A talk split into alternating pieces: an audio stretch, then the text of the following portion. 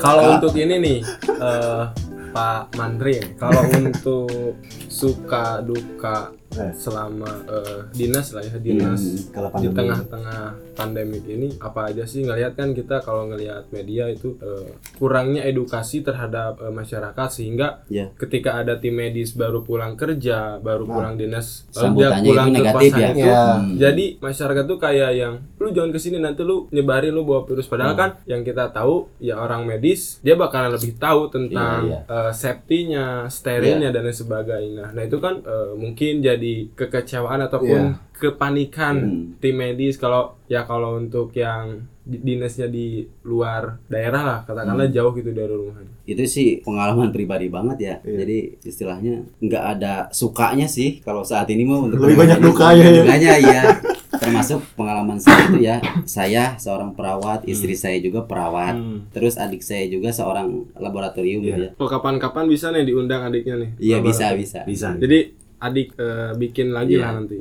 bisa jadi istilahnya kita lagi melalui masa-masa duka ya Iya. istilahnya kita kita juga sadar gitu bahwa kita ini emang tugas di rumah sakit tapi kalau pengalaman, pengalaman pribadi saya sih alhamdulillah dalam penanganan covid ini saya masih dalam tahap eh, istilahnya perawat cadangan untuk menangani pasien covid jadi istilahnya gini udahlah jangan ada istilah untuk mendiskriminasikan lagi Iya. seorang tenaga medis jadi kita juga tahu sendiri bahwa eh, cara menjaga APD memakainya bagaimana terus cara melepasnya bagaimana cara safety-nya bagaimana itu itu udah terukur gitu Iya.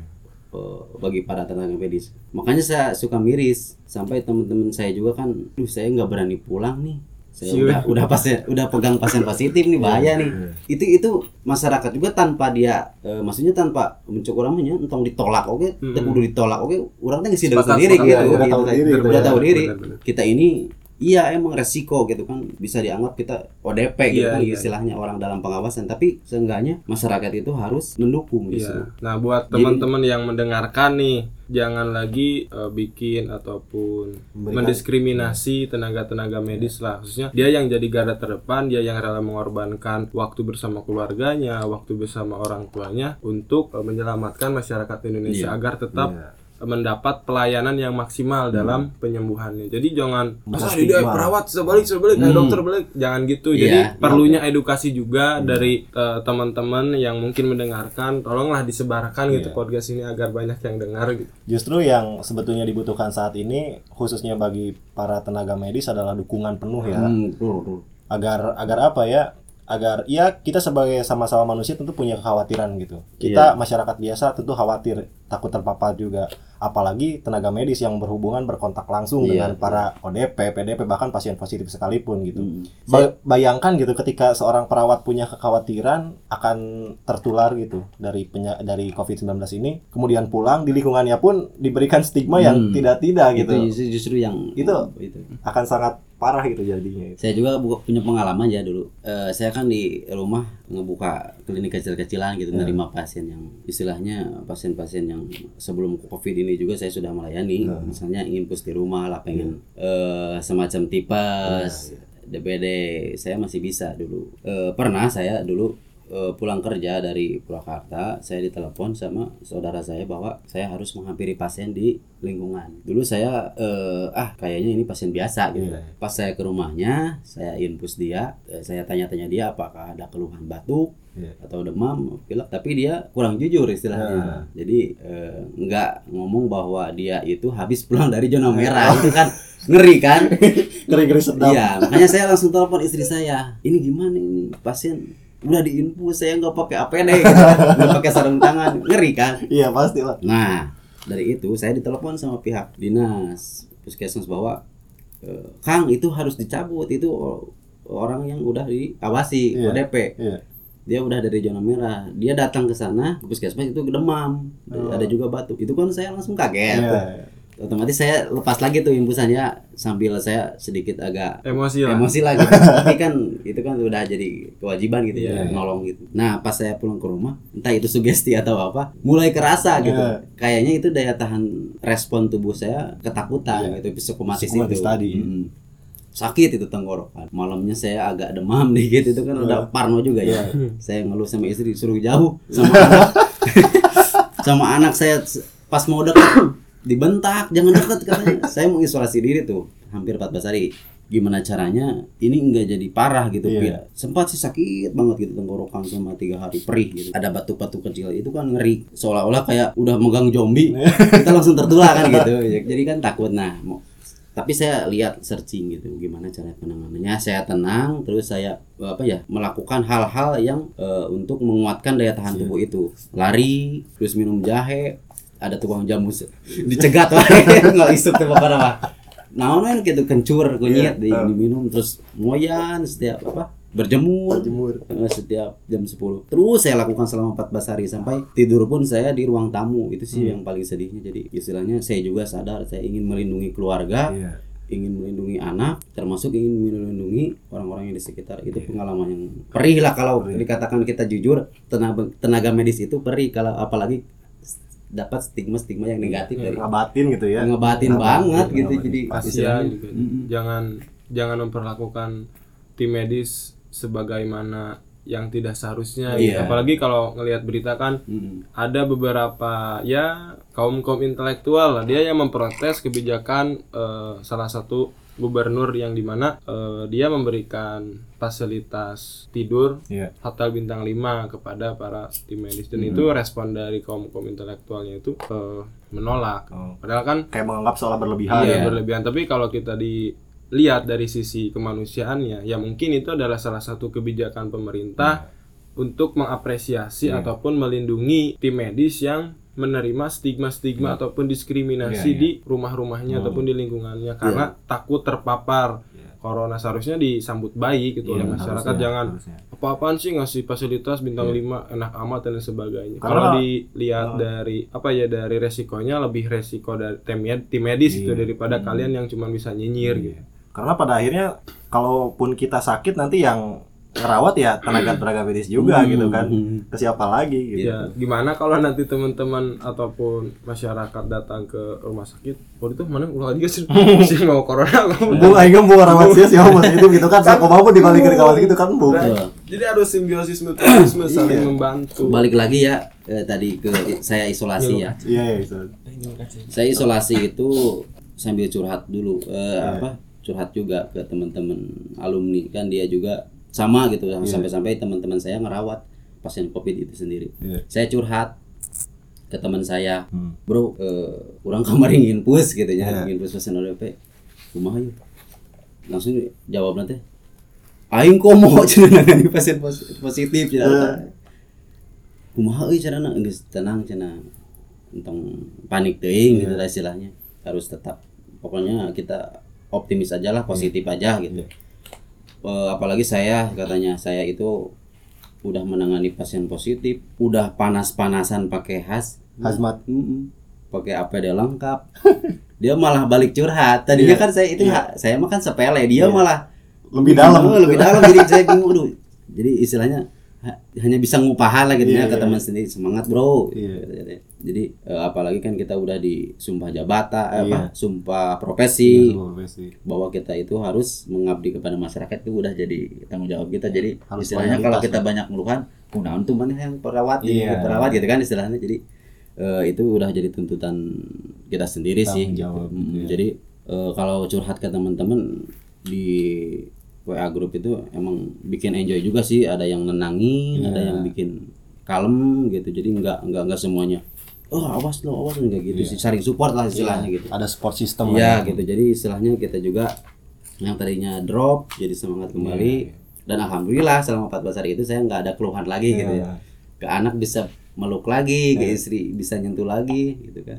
Nggak nggak ada eh, batasan lagi. Cuman eh, saya kan kerja di klinik eh, swasta ya milik dokter di daerah Subang Selatan. Jadi saya juga sih tetap menjaga sterilitas diri. Kalau pulang kerja eh, pertama mandi cai haneut udah itu kan kudunya. Iya iya. wajib mandi hampir dua kali saya mandi itu. Jadi kalau belum di sterilkan diri saya nggak berani pegang anak atau berani pegang istri. Jadi istilahnya eh, masa-masa duka ini paling terasa saat ini gitu untuk tenaga medis itu sendiri Tapi gini ya, maksudnya kan eh, ada, maksud bukan ada ya, tentu berita-berita sekarang kayak ya di berita gitu kan, udah banyak itu eh, para tenaga medis yang akhirnya menjadi korban dan gugur gitu kan ketika menangani pasien yang positif itu. Walaupun sebetulnya kita tahu gitu mereka tentu eh, melakukan perawatan kayak gitu, Hmm. mereka menggunakan APD lengkap gitu. Hmm. Itu kenapa ya bisa bisa sampai kok begitu mudahnya gitu menyebar gitu. Mudahnya Jadi- menular gitu. Jadi kan virus corona ini beda penyebarannya sama TBC. Kalau TBC kan lebih berbahaya. Tapi eh, corona juga bahayanya Iya. sekarang lagi maksimal lah gitu. Iya. Percikan atau droplet yang keluar dari si pasien corona itu bisa mengenai lingkup wilayah eh, misalnya dia memakai baju atau di ruangan itu sendiri itu Mhm. droplet itu bisa bertahan Hmm. Makanya si pasien itu diharuskan untuk jujur kebanyakannya kan pasien yang terkena eh apa perawat yang terkena itu nggak jujur kan merawat dari pasien yang pasien tidak yang jujur. iya gitu jadi istilahnya ditanya gimana eh, keluhannya apa cuma kan dia nggak to the point gitu Panik, kan. karena panik panik. gitu kan jadi istilahnya eh, apa untuk tertular itu justru ketika kita memakai APD lengkap namun misalnya kita eh, membukanya itu ada saja menyentuh tangan kita dari handscoonnya Hmm. atau maskernya atau bajunya itu sendiri itu sangat berpengaruh tinggi jadi istilahnya Hmm. kalau misalnya kita kurang menjaga diri apalagi kalau saya sih berpikirnya gini ya tenaga medis itu pasti selain tertular virus drop pikiran Iya. itu isi istilah jadi daya tahannya turun Hmm. begitu dia ah, aduh aku jadi takut nih gitu ya Iya. istilahnya Hmm. merawat pasien positif nah itu yang dikatakan tadi mengelola ansietas itu Hmm. psikomatis itu jadi istilahnya imun kita drop ditambah lagi ada percikan yang mengenai tubuh perawat itu otomatis lah penyebaran Terpapar. ter- terpapar. Jadi saya juga sih masih heran gitu kenapa ada satu pasien tapi sampai 56 Hmm. perawat gitu ya Iya, iya, gitu iya, kan kayak jadi, gitu. jadi jadi itu istilahnya eh, kalau kalau katanya kalau apa kalau kelihatan mah tuh udah virusnya ada kemarin Iya, gitu nya iya. disinglar kena imah kan Jajak dulu tuh gitu ya, itu amun bisa di mah. oh, gitu kan belum tuh, Bang. Sigap putu gitu tapi kan itu kan nggak kelihatan gitu sedangkan kita misalnya bersin terus satu kali nempel satu itu langsung tumbuh berapa ribu gitu Iya. kalau TB kan TB TBC misalnya satu bertahan minimal sehari dua tiga Oh. berkembang ini mau kan percikan satu kali hampir berapa puluh ribu itu yang bakteri virus Miliaran kuman lah miliaran kuman keluar yang gitu. keluar jadi istilahnya ada potensi besar sih di sana jadi para tenaga tenaga medis itu terkena hampir 31 orang tenaga medis sekarang Iya. yang korban termasuk dokter perawat dan Iya. tenaga lain Guru-guru besar di turut prihatin juga tapi mudah-mudahan husnul khotimah sebagai eh, pejuang ya. Iya. Seharusnya itu bisa dijadiin sosok pahlawan sih Hmm. untuk saat ini. pasti sih itu harus apalagi kan dia dia juga punya keluarga dia juga punya Iya. Orang tua apalagi kan ada yang baru-baru ini ya mau, Trending. mau nikah Iya. katanya ya Nggak- Ditunda. ditunda sampai kayak jadi itu itu itu miris banget sedih lah gitu Ya, sampai maut menjemput nikah nggak jadi demi pandemi memastikan bahwa pasien-pasiennya itu terawat dengan baik iya dengan benar supaya bisa cepat sembuh Hmm. Jadi saya mah ya selaku tenaga medis menyarankan kepada masyarakat bahwa sambutlah kami dengan baik, jangan sampai ada stigma-stigma yang menyudutkan kami bahwa kami ini si pembawa virus, kami ini sebagai yang ditakuti lah gitu di masyarakat. Bukan sih, bukan seperti itu. Kami juga justanya menyadari diri gitu.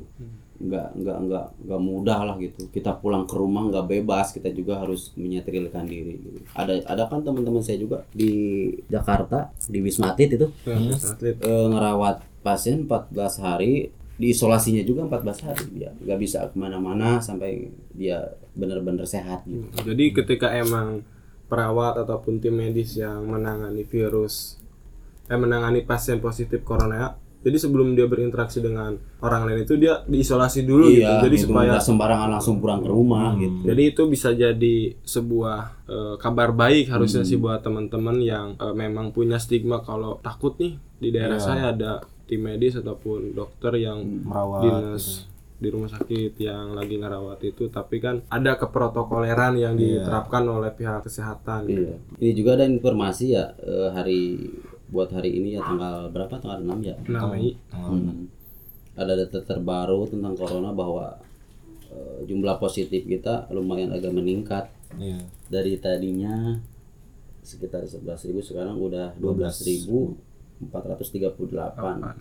Kemudian yang meninggal ada 895, dan yang sembuh 237. Untuk di Jawa Barat sendiri terkonfirmasi positif sekarang udah nyampe 1320 yang sembuh 177 yang meninggal 90 Turut prihatin juga ya bahwa eh, penyebaran itu sekarang lagi masa-masanya Ya, apalagi kan sekarang tinggi memang gitu memang momennya gitu kan Momennya, momennya, gitu. momennya mudik gitu kan Iya. di mana orang-orang ya masih tetap kekeh bebal gitu terhadap maksa ya. ya terhadap apa yang sudah memang dihimbau sama pemerintah gitu ya ya ya tentu kita juga sama-sama di sini ngerti gitu gimana keadaannya gitu. Kita kita juga berusaha memposisikan diri sebagai orang yang katakanlah merantau mungkin.